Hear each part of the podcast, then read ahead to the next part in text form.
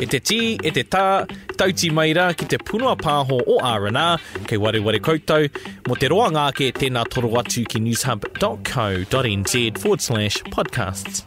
Kia ora tātou, welcome. This is the R&R podcast. Don't forget you can check out newshub.co.nz forward slash podcasts for more.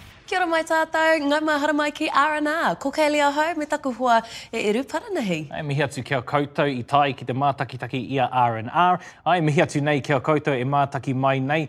Ko tā tātou nei kaupapa mo te rangi nei, ko te hitori o tēnei motu, uh, o Aotearoa i ngā kura. We're looking at New Zealand's history in schools and who better to talk about this than one of the, one of the many people that has been campaigning for this. Tēnā koe e te matua Graham Ball. Um, welcome to R&R. Just briefly describe to us your, your, your, your role. You've got a very long title, and I was mulling over it, going, "How should I translate this into Māori?" But you know what? I'm going to let you explain into detail what your role is. Um, my, my main job is I'm a um, history teacher at Northcote College, um, but I'm also chair of the New Zealand History Teachers Association.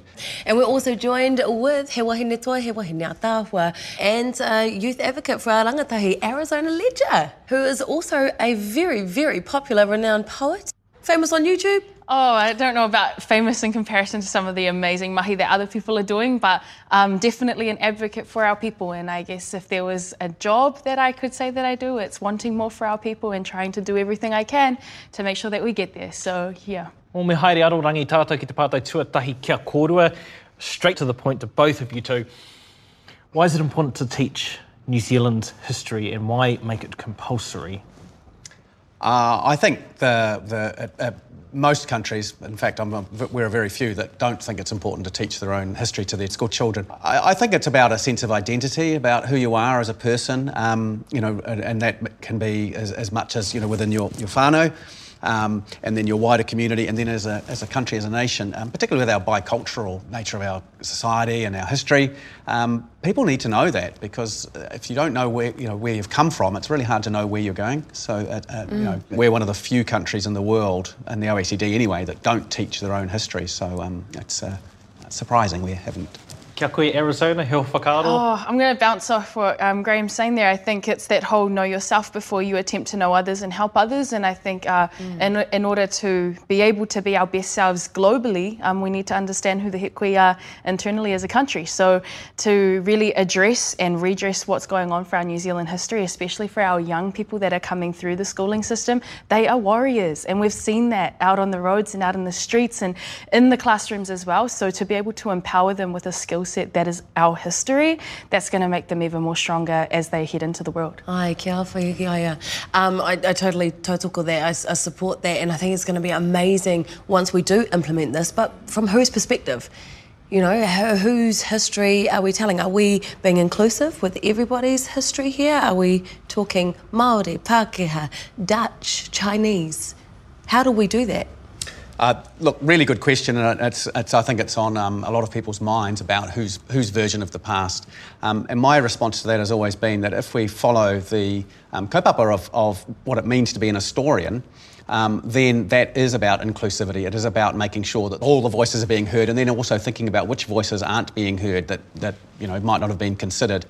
And then uh, it's an evidence-based approach whereby you know you, you hear those voices, uh, acknowledge them, and then look to what the evidence is to support you know an understanding of the past, and then from that develop those understandings. So it is you know it, it, it couldn't be anything but inclusive because that's what the the um, discipline of history is all about. Hei ngā tau kua pahuri ko koe tērā e whawhai ana mo tēnei kaupapa. So years gone by, you've fought for this. Um, you, you've given many interviews around on, the, on this um, topic and this subject. But going back to when was the moment in your life, whether it be your childhood, whether it be your youth, when was the moment in your life that you knew, he whai tikanga tēnei kaupapa, that this kaupapa, teaching New Zealand histories in schools, was important? Oh yeah, I know. I know when that was. Um, I hadn't. I did not do history at school, and I remember something about uh, in, in terms of what we did do in social studies. Apart from wheat fields and American Great Plains, that stuck in my mind. Um, we did some um, stick um, uh, songs and things. rākau. Yeah, yeah, that's, that's what I remember, but nothing else, nothing about who we were as a people, you know, uh, uh, together. Um, and then when I left school, I actually um, worked for New Zealand for um, 12 years and then um, sort of felt that wasn't really my calling. And, and my first, I went to university and uh, to do a BA, and my first year of that, um, I took um, a Māori Studies paper with Ranginui Walker.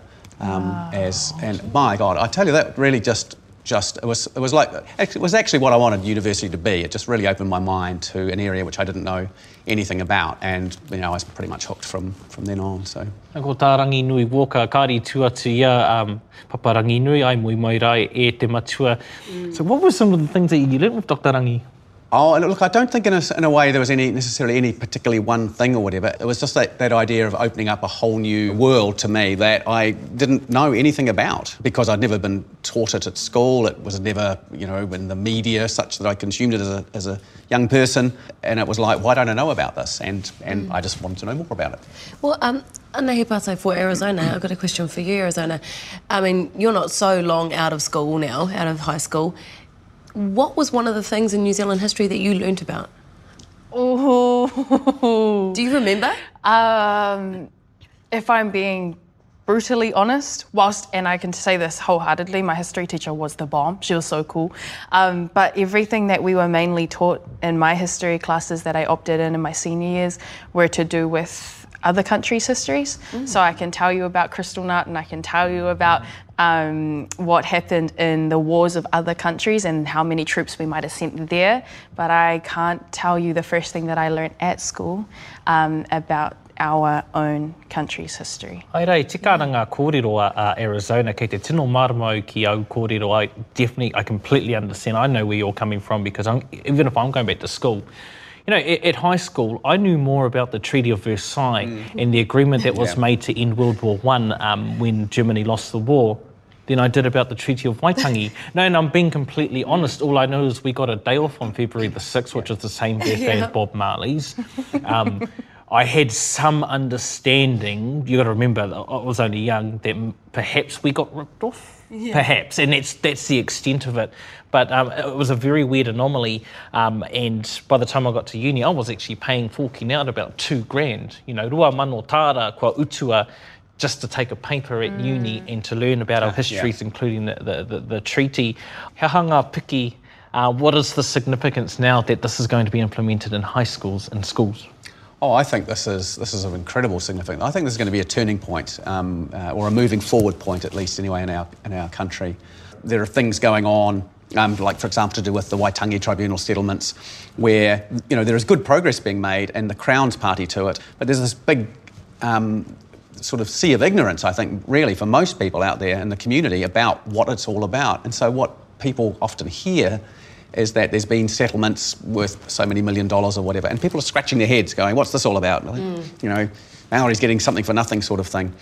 And I think I've always said that this is a perfectly understandable and justifiable position to have because if you don't know, then you jump to those sorts of conclusions. So I think for us as a nation, the fact that our young people are going to know about what the, the basis of those Waitangi Tribunal claims are or the things that have happened in our past well, things like ihumatao, uh, yes. like that was a great, and that's a great example of ignorance and people, you know, not knowing why they are protesting.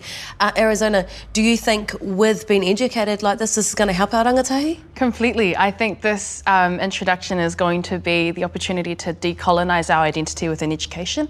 Uh, there's a massive um, gap that I felt growing up throughout and going through the education system where I'd be questioning certain things that were happening, but not knowing justifiable reasons as to why they were happening. And I think in order to learn our, our identity through our history, it's actually going to allow a lot of young people to understand where they stand on issues. It's not going to push anyone either way, but it is going to give them the power and the authenticity to say, actually, if this is what happened in the past, then this is where I want to stand so we can get to a certain place in the future. Mm. So um, I, I think it's going to help our rangatahi massive. It's going to be a very exciting time for us as long as it's done properly. Ke toki o ki ngā kōrero i puta i Arizona. Arizona, I want to go back to something that you mentioned, which is um, what New Zealand looks like, you know, understanding a history and understanding what New Zealand looks like. From your perspective, i tō ahunga, from your perspective, what does New Zealand look like and who is New Zealand to you based on, just from your perspective? Oh, New Zealand to me is definitely a mixed melting pot of opinions, um, upbringings, and culture. Um, but when we look at the heart of it, I think we've got a long way to go in terms of helping people understand each other to move forward. Um, so I definitely think at the moment one of our status as a country is just that we're a little bit misunderstanding of each other. I think we're trying to put each other's um, upbringings and struggles and sacrifices at the table when really they're actually incomparable because we're all at different starting lines. So until we can all get to the same starting line, um, which is, I mean, this this move of bringing NZ history into the play, that's going to move us a little bit more forward towards mm. an equal space, but we've still got a long way to go. So we need to make sure that it's done properly to be able to keep us moving forward instead of paying lip service, moving forward, and then two steps back because it's not done properly. About doing it properly, though, Graeme, you said that you know this is going to be implemented into our schools and being compulsory, teaching New Zealand and Aotearoa history. How are they actually going about doing this properly? Uh, what are the steps that they're going to? Good question. I mean, it's it's pretty early days yet, and I have been um, in touch with the Ministry of Education. There is two years, which I still think is a pretty short amount of time in which to do this. But they have indicated that they want to engage with um, us as the New Zealand History Teachers Association, iwi and Hapu, um, the universities, uh, obviously the primary sector as well. Um, so I imagine that that's what's happening at the moment as they're starting to um, bring, the, bring those people together and then look at a way forward. I mean, we already have an outline of the um, content, so to speak, you know, those seven key points that were in the Prime Minister's announcement. There's a lot of work to go. My fear, or two fears, that it won't be funded well enough. Um, I do believe that there will be attempts and, and hopefully honest attempts to to bring all those voices in and you know particularly having iwi and hapu people uh, you know um, yeah. representatives up up front in the process my fear is that maybe the, there won't be enough um, resources put into teacher training, and so it's possible that we'll, while we'll have this great idea, that it may not be well implemented. E hara i te mea uh, ko te hitori o tēnei motu, he hitori Pākehā, he hitori Māori. It's not just about Māori and Pākehā um, relationships and Māori and Pākehā um, histories, but there are many other cultures that have been impacted, whether it be by injustices or whether it be by achievements, for example. This is probably one that I'd love to learn a lot more about because I didn't know a single thing about it until that hip hop group came out the Dawn Raids. You know, if I'm being completely honest, we didn't learn anything about that. We didn't learn anything about the likes of David Lange, who had, you know, he had advocated for Pacific Islanders and stuff. So just to turn it turn it around, how important is it then for us as Māori or Pākehā to acknowledge other cultures and their histories i? I think it's I think it's very important. I mean, if we're going by personal opinion, I definitely think it's very important um, because you're not just going to be existing in New Zealand with Māori and Pākehā. You're going to be existing with many more people. So my my own belief is if we create global understanding, we actually avoid global conflict. And so in order to be able to avoid those conflicts, if we can better understand other people's histories. Now, I'm not saying we then have to go and implement a world history lesson within our schools, but I do think the more time people can take to understand where others have come from, the more we can move together and move forward. Um, so, definitely, it's important. And that representation aspect of it is going to be important too, so that wherever you are, whether it's the workplace or in the classroom, you can understand a little bit more about the human that you are interacting with and impacting rather rather than just ticking the box and moving them to the side, um, and, and also understanding maybe the struggles and the stories that they that they represent and that they come from. So, yeah. If you are te te rākoe kōrero kia koe, just I'm going to throw this over to you. Uh, what, how important is it then to not only just learn about Māori and Pākehā history, but um, for many other communities and societies um, of Aotearoa? Oh, yes. Look, um, Arizona was, you know, hit the nail on the head, I think, with that. Um, it's very important that we learn about those too. So I imagine um, what the, the framework should look like for this when it's uh, implemented would be that we have um, some things that we can agree on, particularly in the past, in the 19th century and, and, and earlier and, and beyond, um, which, you know, everyone should cover. And, you know, the most obvious one, which I think there'll be no debate about, is the treaty. Mm. So, you know, everyone should look at that. But also, then within that framework, there needs to be space for regional histories, for local histories. Mm. Um, so, you know, room for that to be in, included in it. And then as we move through to wherever it's going to take place, looking at the, you know, the 20th century and into the 21st century, you know, we need to be looking at those stories of other people um, other peoples that have come as well. Even back in the 19th century, there were other groups that came besides just the British. Uh, in the 1860s, um, you know, significant numbers of Chinese came to the goldfields in Otago. Had the Dalmatians up north, some French, uh, the Bohemians at Puhoi, and, and uh, you know there are there are many other ones as well. We need to we need to know about their stories as well. Um, and that is part of that idea of being inclusive, um, you know, because it's all part of the, the story of our country. And kia, kia koutou, well, kia koutou mā. I want, I want to set up a little bit of a scenario. Now, this is called the School of R&R, Te Kuro R&R, so you guys have to leave your jobs, right? I've hired you, Kaylee's principal, I'm nice. the head of BOT, nice. you are one of the deans, and you are HOD History. So we're going to create what the what the year's going to look like in terms of, um, you know, what, so the history paper or the history subject. Term 1, Term 2, Term 3, Term 4, he hanga kaupapa e akuna E akuna ai e tātou. What, if you were going to build it right here, right now, I know we probably only have two or 25 minutes to do so, what does it, he hanga kaupapa, what does it look like? Arizona? Oh, I think I'd go with um, helping each like student build their identity, so their actual pepeha per se, um, and helping them understand the connection within the room before we begin moving through the, the history stories. So being able to connect our students before they then champion this whole idea of connecting to our land and to our spaces. Um, I don't know, something just spoke to me as soon as you said that. I was like, nah, they need to know each other before they know their history line. So moving from there, I'm going to throw it back to the historian. I think that uh, you know what you've um, said there is really, um, really good and really important too. And I, and I sometimes talk to my students about um, the, the the fact that we're kind of each of us are like at the, the you know the narrow end of a funnel, mm. and the, the, there's so much stuff that goes into it. And, you know, especially if we go back in time with the whakapapa and um, you know the things that happen in our in our in our histories that lead to who the people who we are now. So I think you're right, and start at the base of the funnel, which is the, the individual, and locate themselves, and then start talking about you know looking at the bigger picture stuff. Um, this is going to be happening over from year one through to year 10, the compulsory levels, and then in some form thereafter in years 11 to 13. Well, in that 11 to 13, will they get to choose what part of New Zealand history they get to learn, or will they have a specific part of Aotearoa history that they have to? Well, interesting. I mean, you know, I'm not sure what the ministry's plans are for years 1 to 10. Um, you know, the most obvious way, which I don't particularly think is the best way, is chronologically, you know, so starting from early Polynesian migrations um, in year one, sort of thing. But I don't know that that's necessarily the best thing to do. Um, but certainly, uh, I, I, don't have any expertise, to be honest, in the primary and intermediate sort of arena. So um, they would, you know, know what's best going to work best there. And it may be those stories. I think, you know, my my early thinking is it'll be a lot around stories, telling stories about people um, from the past. And then as you progress through the, the year levels, you know, you increase the sophistication. I suppose therein lies the challenge. Anei, anei rā tētahi o ngā wero mō um, tēnei kaupapa, I guess mm. one of the challenges is you know, where, um, where do you start? What do you start teaching? And it's not as if, say, with languages, you can teach kohanga reo kids kohanga reo. Yeah. reo. But uh, this is, you know, this poses a different dynamic. Mm. And do, you know, do you go and resort to stuff as you pointed out, whakapapa, you know, identity kōwaio, um, something as simple as that, um, who, who you are as, as an individual, and then hopefully by the time they get to years 11 to 13, then there's, you know, that, that, you're consciously aware, okay, this is, this is what I need to be learning about, you know, about land wars, about um, trade, you know, the Pacific Island trades and stuff.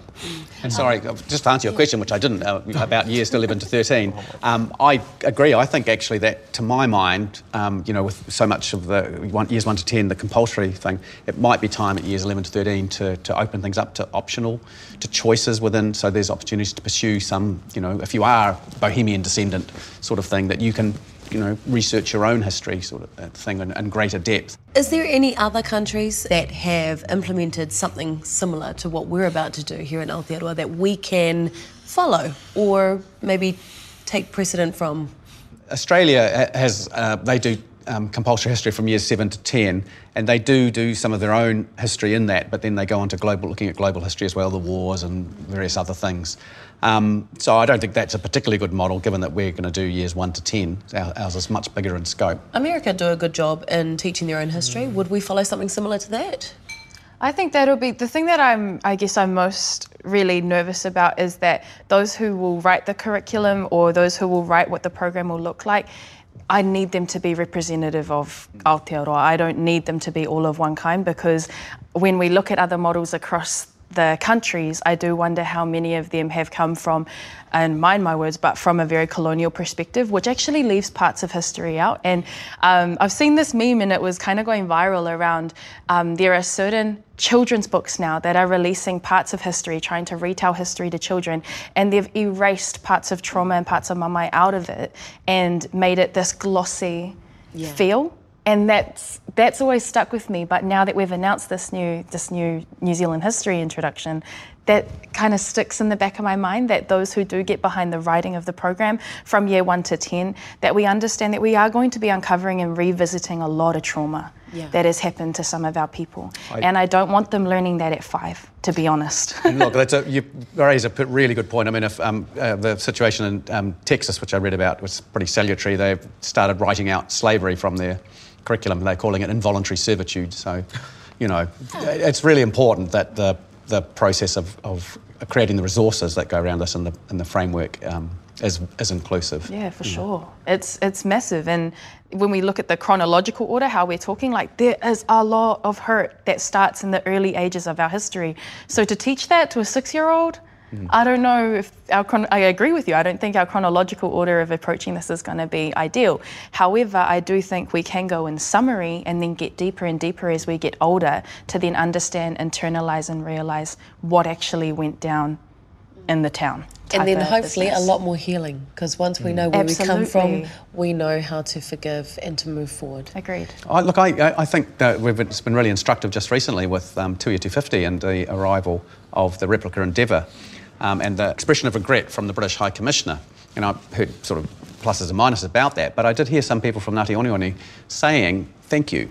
You know, this is, this is what we've been waiting 250 years for, is just some acknowledgement of that pain. And, and if I saw, read the article right, it was kind of like, for them, it was closure. And it was like, and I, it just struck me how simple that was. And, and I know actually it shouldn't, I shouldn't have struck me too much because I know with the Waitangi Tribunal settlement, so much of that is to do with the apology from the Crown and the acknowledgement of the wrongdoing. And it's, that's the actual healing part. So if, we, if we're doing this in our classrooms and doing it without blame, you know, there's, you know, none of us here today are alive, you know, who, who, who did these things back then. Um, and also, we, you know, we need to understand people within the context of their own times, even the settlers and the actions they took. Um, so we have to make it totally blame free, and it's just about getting everything out there and saying, look, we just have to acknowledge our past, um, and and then we can hopefully heal, move on. In saying that, though, should it be just the schools that are taking the kaupapa of, you know, teaching New Zealand's history? Should this now go more further out into our you know, local museums. I see um, the Auckland Museum, the War Memorial Museum, they've done the Voyages of Tupaia, which have also highlighted the fact that he was the one who actually helped navigate Cook to Aotearoa and then was ravished by disease, obviously, later on. But these connections through our history, should this not just be pertaining to just schools? Should it now be compulsory to actually showcase a lot of our kaupapa, a lot of our tupuna and their journeys into the museums and around there? I think to have full effect and to be successful at the school level, we will need that intergenerational education because imagine um, these children who will be going home to talk very freely about this to their parents. If they've come from different generations of the education system, we're now starting conflict at the table, mm. right? So I do, I know it's a, it's a hard ask, but I do think there needs to be some education happening to everyone around this New Zealand history because if our ch- children and our students aren't safeguarded as they move into certain spaces, they're going to feel very empowered, I would hope, from this new. Um, this new curriculum, but I also could be nervous that they'll just talk to the wrong person, the wrong Joe Blogs one day, and it's just going to all go down. But it's because that person didn't receive the same opportunity to learn, heal, acknowledge, and actually be honest about what we did and what we didn't do back then. Wapo te wā whānau, thank you so much for joining us in our kōrero of New Zealand history and from whose perspective. A ngā mihi to Arizona and Graham. Ai, whakahirahira tēnei kaupapa ara ko te hitori i ngā kura, ko tāku kia koutou, me ako, ka tika, mā te wā. You've been listening to the R&R podcast. Go to newshub.co.nz forward slash podcasts to hear more. Kua whakarongo koe ki te punua pāho o R&R. Mō te roanga ake, tēnā toro atu ki newshub.co.nz forward slash podcasts.